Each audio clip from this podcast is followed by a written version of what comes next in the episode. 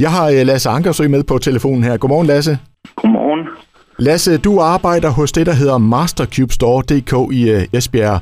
Og Lasse, du og din kollega I har kastet jer ud i et, øh, vil jeg sige, både nørdet og vanvittigt projekt. Det projekt, det vender vi lige tilbage til. Allerførst, kan du ikke lige prøve at fortælle mig, altså Mastercube.dk, hvad, hvad er det for en forretning? Jamen, det er jo øh, en nethandel, hvor vi sælger Rubik's-terninger.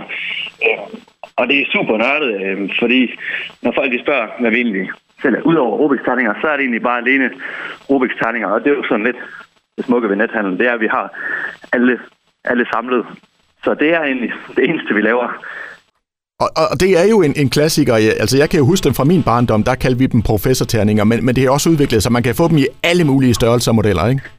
Jamen, det har egentlig udviklet sig til at være en helt sport, øh, hvor vi har nogen, der er helt hardcore omkring det. Sådan cube-entusiaster kalder vi dem.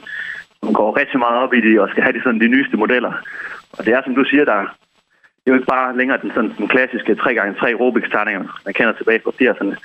Det jo efterhånden udviklet sig til at være en masse forskellige former, figurer og farver. Øhm, så det er sådan en helt, helt verden for sig selv. Vi øh, har jo den her coronatid her, hvor vi går og småkeder os lidt alle sammen. Det, det må vel have været rigtig godt for jeres forretning, tænker jeg. Det har det helt sikkert. Øh, Vi har godt kunne mærke, at der har været sådan en coronatop, øh, nu når børnene var derhjemme, og de skulle underholde. Så, så det har vi tydeligt kunne mærke, at øh, der har været et ekstra boost her under corona. Og Lasse, så tilbage til jeres projekt her. Et fuldstændig øh, vanvittigt, som jeg siger, vel også lidt nørdet projekt. Kan du ikke lige prøve at fortælle, hvad er det, I har gjort? Jo, øh, det er, ja, først og fremmest det er jo super nørdet, men øh, det vi egentlig har gjort, det er, at vi har jo samlet en masse Rubik's-terninger og, og, og sidder og kluder dem sammen og sat dem sammen til et stort, sådan et øh, stort portræt, musikportræt øh, øh, af Søren Brostrøm. Øh, og ja, tanken er super skør, men det er simpelthen, hvis man sætter en masse Rubik's-terninger sammen, så kan man øh, ud af de her små felter lave et stort motiv, så det til sidst kommer til at ligne noget. Øh, så det er ja, super nørdet og blandet med en masse tålmodighed. Lige til et portræt af Søren Brostrøm. Og nu er der bare lige et spørgsmål, der trænger sig på. Hvorfor lige præcis øh, Søren Brostrøm? Jamen, altså, det, vi gik herud på ladet og snakkede lidt, og, og kedede os egentlig lidt i de her dage, fordi de hurtigt kommer til at ligne hinanden, og så tænkte vi, at der skulle ske et eller andet, og så var det, vi kom op med den her idé, og så snakkede vi lidt frem og tilbage om, hvad kunne egentlig være sjovt, og hvad var op at vende, og så kunne vi jo selvfølgelig ikke komme, komme udenom corona, og så dernæst øh, pressemøder, og så var det jo bare helt oplagt, at øh, så blev det lige sådan Brostrøm, vi gik med. Øh, der var også nogle andre, Torgen Foder med det Frederiksen og sådan noget, men vi gik egentlig med Søren Brostrøm, fordi vi tænkte, det kunne være sjovt. Så, øhm, så det, det var egentlig bare, fordi det, det var lige op at vende, og det var aktuelt. Så blev det egentlig ham. Og man må jo sige, øh, virkelig vellignende portræt, I har lavet. Altså, hvor mange terninger har I brugt til det her? Jamen, jeg tror egentlig, det vi lige fik talt op til, det var lige, lige knap 1000 terninger, så jeg har brugt en del. For mig ligner det jo et fuldstændig øh, håbløst projekt, hvis jeg skulle gøre det. Hvor- Hvordan gør man det der? Jamen, det er egentlig lidt lige til. Der findes sådan nogle øh, software på nettet, hvor man egentlig uploader et billede, og så kan den fortælle ud fra det, man uploader, og taster ind, hvor mange man skal bruge af de her felter. Så kan den så beregne ud i... Det er lidt ligesom at samle et puslespil. Så kan den lave sådan lidt en form for... Øh, ja, sådan skære det ned og fortælle, hvad man skal egentlig skal. Og det er jo så lidt der, hvor det nørdet går ind, fordi så skal man jo sidde og rode med en masse tegninger for det rigtige mønster frem på den ene side og lægge den op i det her puslespil. Øhm, så, så det er jo også der, jeg er så heldig, at jeg har nogle nørdede drenge ude på de her lærer, som er, som er super seje til det her. Øhm, og så var det også bare en god tidsrøver. Hvor lang tid tog det det her? Jamen, øh, vi knoklede på det et par dage øh, intensivt. Øh, med de her, jeg har to pakkedrenge, og så har jeg en praktikant, og de var bare super seje til at bare tage fat og stå og rode med ene efter den anden af de her terninger her. Så det tog egentlig et par dage, tre mand.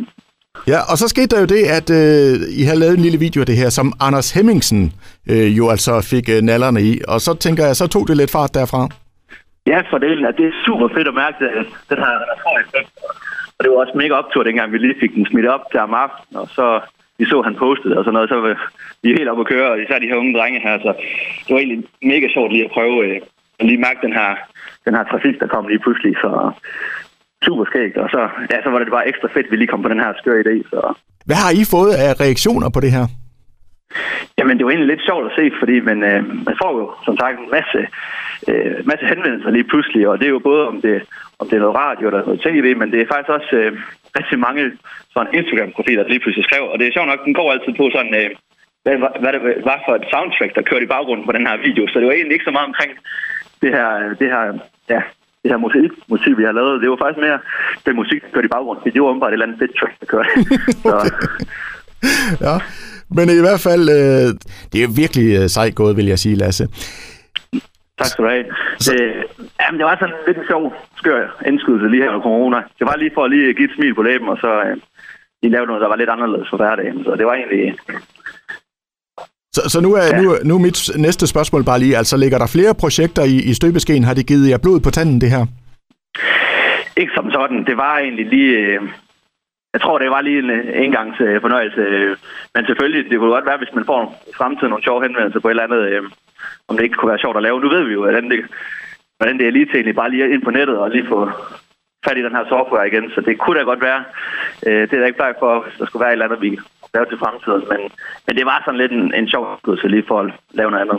Jamen ved du hvad, Lasse, det var en kæmpe fornøjelse at tale med dig, og så vil jeg da bare øh, ønske dig en god dag, og, og hils drengene. Altså, det, det er sgu sejt gået, det her. Det skal jeg gøre. Det skal jeg gøre. Og lige over. Sådan, Lasse.